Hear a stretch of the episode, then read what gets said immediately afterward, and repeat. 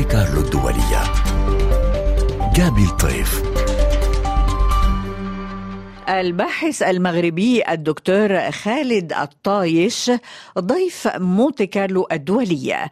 دكتور خالد الطايش تحياتي وأهلا بك في مونتي كارلو تحياتي للصحفية المقتدرة جابي الطيف وشرف عظيم أن أكون ضيفا عليكم في برنامج حوار. مرحبا. دكتور خالد الطايش شكرا لك. أنت باحث في تاريخ الجنوب المغربي فزت بجائزة ابن بطوطة لأدب الرحلة عن كتابك المثاقفة وإشكالية المركزية الشرقية الرحلات الحجازية المغربية في القرن الثامن عشر. اولا سنتحدث عن علاقتك بالتاريخ. لماذا تغوص في التاريخ في أدب الرحلة في الماضي؟ ماذا تريد من هذا المسار؟ نعم فيما يتعلق بسؤالك عن علاقتي بالتاريخ فهي علاقة قديمة تعود إلى مرحلة الدراسة الجامعية ومساري كان اختيارا أهمية التاريخ في الفكر إجمالا. نحن نعرف أن فهم الحاضر وبلورة المستقبل رهين بشكل أساسي بدراسة الماضي. لأن لا ندرس التاريخ كمجرد حكايات وإنما ندرسه لفهم الحاضر وبلورة المستقبل. والمسألة الأساسية في دراساتي هي أنني حاولت أن أتخصص في فن جميل جدا كان حكرا على أهل الأدب إلى عهد قريب ولكن حاولت أن أغوص فيه ليس من باب التحقيق وإنما من باب الدراسة وهو مجال أدب الرحلات. وبالتحديد الرحلات الحجازية. وكان هذا سببا أن تقدمت إلى الجائزة التي يرعاها المركز العربي للأدب الجغرافي. صار مشروع ارتياد الآفاق الذي يشرف عليه الشاعر المعروف نوري الجراح وهي جائزة ابن بطوطة لأدب الرحلة التي فزت بها للموسم 2023 في إطار الدورة الحادية عشرة بكتابي المثقفة وإشكالية المركزية الشرقية الرحلات الحجازية المغربية في القرن الثامن عشر للميلاد. نعم. بالنسبة لابن بطوطة وهو ابن المغرب ابن مدينة طنجة وأنت من المغرب ما هي العلاقة التي تربطك به؟ كيف تنظر إليه اليوم مع الزمن؟ بطبيعة الحال نحن محظوظون جدا بهذا الرجل العظيم لأنه أيقونة الرحلة في العالم ككل. رحلته الموسومة بتحفة النظار ترجمت إلى العشرات من اللغات العالمية وأنا محظوظ أكثر لأنه تم استدعائي في أقل من شهر لطنجة. بإطار احتفالية بهذه الجائزة عينها من طرف وزارة الثقافة والاتصال المغربية. قد حضر بعض الفائزين بهذه الرحلة في في هذه المأدبة الفكرية. وزرنا متحف ابن بطوطة في طنجة وهو بالمناسبة متحف قد أعيد ترميمه. وفيه من الآثار والمخطوطات ما يمثل في الحقيقة صورة جميلة جدا لهذا الرجل العظيم الذي سافر وجاب كل أنحاء العالم بل أكثر من هذا خلد لنا رحلة توثق لهذا المسار الفريد من نوعه. دكتور خالد الطايش بالنسبة لك اخترت الرحلات الحجازية المغربية في القرن الثامن عشر. حدثنا باختصار عن أهمية هذه الرحلات. نعم هي الرحلات الحجازية أغلبها كتبها المغاربة لارتباطهم الوثيق بالحج وكذلك لارتباطهم بالكتابة من جانب آخر. وأنا حاولت أن أغوص في هذه الرحلات لعاملين العامل الأول هو انتمائي إلى منطقة الجنوب المغربي حيث يقطن الأمازيغ.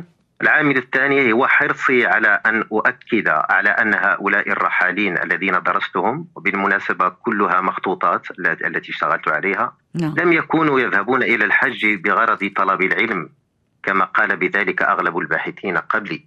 وإنما تجرأت قليلا وحاولت أن أثبت صحة إشكاليتي في أن الهدف من سفرهم إلى الحج إضافة إلى أداء هذا الركن الديني كان بغرض التثقف والحوار والتواصل وربما نحن في زمن ننشد فيه أو عز فيه هذا المطلب اللي هو مطلب التواصل والتثاقف والحوار. شو اكتشفت دكتور خالد الطايش؟ لأن عندما نغوص في المخطوطات وفي الماضي نكتشف أشياء آه، وننقلها بالطبع إلى القارئ. ما هي أبرز النقاط التي بدت لك مهمة جدا في هذه الرحلات؟ العجيب في أدب الرحلات أن نصوص الرحلات أو المتون الرحلية هي تشبه فناء البيت الذي تنفتح عليه الغرف بنوافذها.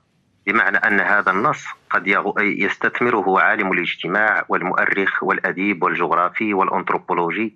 كل يمكن أن يجد فيه ضالته. والجميل أيضا هو أن ما حاولت أن أثبته إلى جانب مسألة التثقف والتواصل هي مسألة مهمة جدا وهي أنني تجاوزت المقاربة الحدثية التاريخية التقليدية إلى الغوص في مسألة البنيات. يعني حاولت أن أغوص في هذه المخطوطات لأستكشف ما تكتنزه من مسائل اجتماعية متعلقة بالمرأة بالأطعمة بالاسترقاق بالعلاقات البشرية. وكذلك الجانب الاقتصادي بحكم أن الركاب الحجية كانت مجتمعات تتعامل مع المنازل والمحطات التي تمر منها معاملات اقتصادية بالبيع والشراء وغير ذلك. كذلك الجانب الفكري والعلمي من خلال الكتب التي تذكر والمناظرات العلمية والفكرية والدينية وغير ذلك. إلى جانب كذلك الجانب السياسي لأنه كما نعلم المسار الذي يربط المغرب بالحجاز كله كان مسارا محكوما من طرف الدولة العثمانية. نعم. وبالتالي رحالون كانوا يستغربون بحكم أن المغرب لم يكن تابعا للدولة العثمانية من أحوال تلك المجتمعات فيذكرون إشارات سياسية مهمة جدا إلى غير ذلك مما يضيق بنا المقام لتفصيل الحديث فيه. طبعا. دكتور خالد الطايش تحدثت عن أوجه اجتماعية وسياسية واكتشاف خلال هذه الرحلات وتحدثت عن المرأة أيضا. حدثنا عما اكتشفته من الناحية الاجتماعية عن المرأة في ذلك الزمن عن هذه الرحلات المميزة.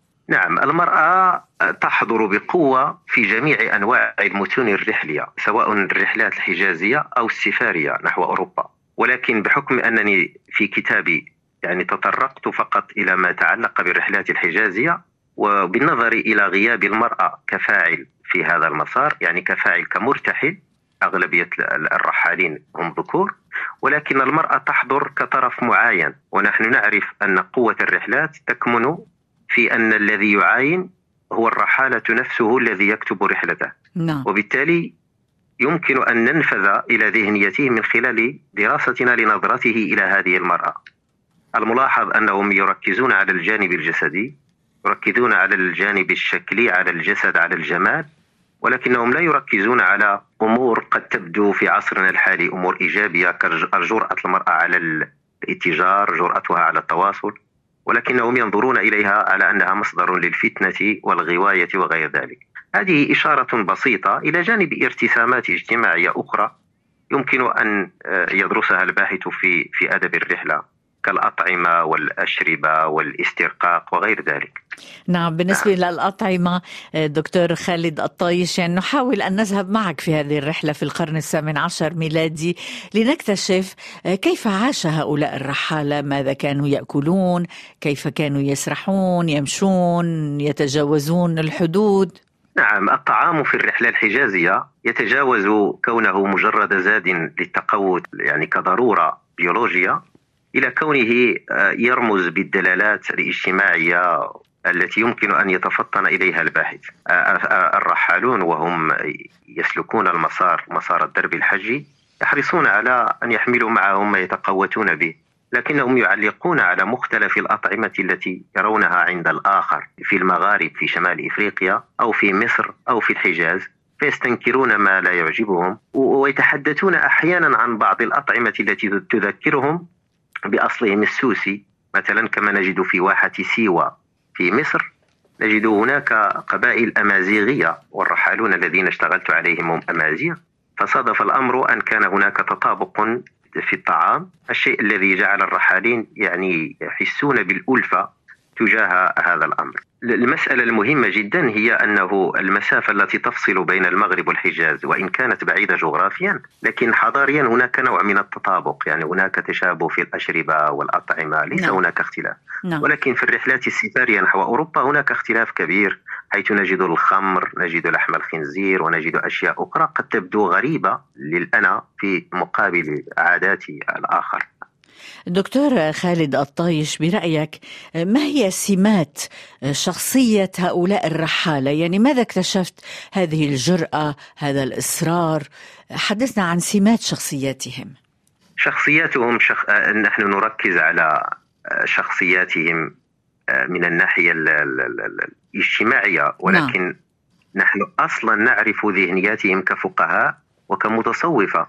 وبالتالي لا نستغرب عندما نقارب نظرتهم ومواقفهم من عادات وسلوك الآخر. ولكن أحيانا نجد أنهم يرحبون بما يخالف معتقداتهم أو بما يخالف عاداتهم بشكل صراحة يستدعي الوقوف والدراسة أكثر. ولكن كما قلت لك قبل قليل تبقى المسافة بين الحجاز والمغرب من الناحية الحضارية متطابقة جدا نعم. ويمكن أن نتمثل هذا الاختلاف بشكل أكبر في الرحلات السفارية ولنا كمثال رحلة الغساني رحلة الوزير في افتكاك الأسير التي حققها الشاعر نوري الجراح عندما يدرسها أي شخص فهي مكتوبة بأسلوب سلس ولكن تبين موقف هذا الرجل المغربي الفقيه تجاه عادات وأخلاق ومواقف وسلوكيات الآخر اللي هو الأوروبي في فترة القرن السابع عشر التي عرفت فيها أوروبا تراكمات نهضوية وفكرية وعصر الأنوار إلى غير ذلك في مقابل مغرب يعني كان عانى من هزائم ومراتع النقص إن صح التعبير. دكتور خالد الطايش بالنسبة للجائزة كلمة أخيرة عنها جائزة ابن بطوطة وأهمية هذه الجائزة في زمن الرقمنة. الجوائز الأدبية في زمن الرقمنة كما كما عبرت سيدتي الفاضلة هي مهمة جدا لأنها تحفز الكتاب والمفكرين على العطاء بالنظر إلى قيمتها الرمزية الاعتبارية وليس المادية. كذلك هذه الجوائز تعيد الاعتبار للفكر وللكتاب في زمن نحن نعرف أنه زمن التيك توك والذكاء الرقمي وغير ذلك بمعنى أن النشر نشر الكتاب وتوزيعه وتاليفه يعرف نوعا من الانتكاسة راجعة إلى قلة الاهتمام اهتمام الجمهور بهذا الأمر. وهذه الجوائز ربما تعيد الاعتبار وتعيد إحياء هذا الأمر المهم جدا.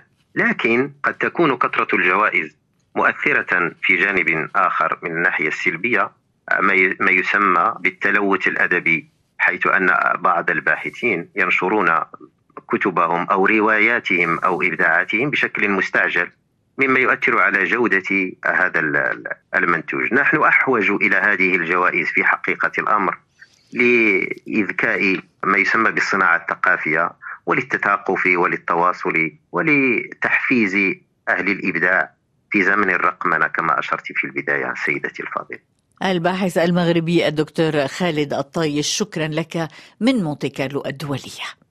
شكرا لكم كذلك. حوار مونتي كارلو الدولية. جابي الطيف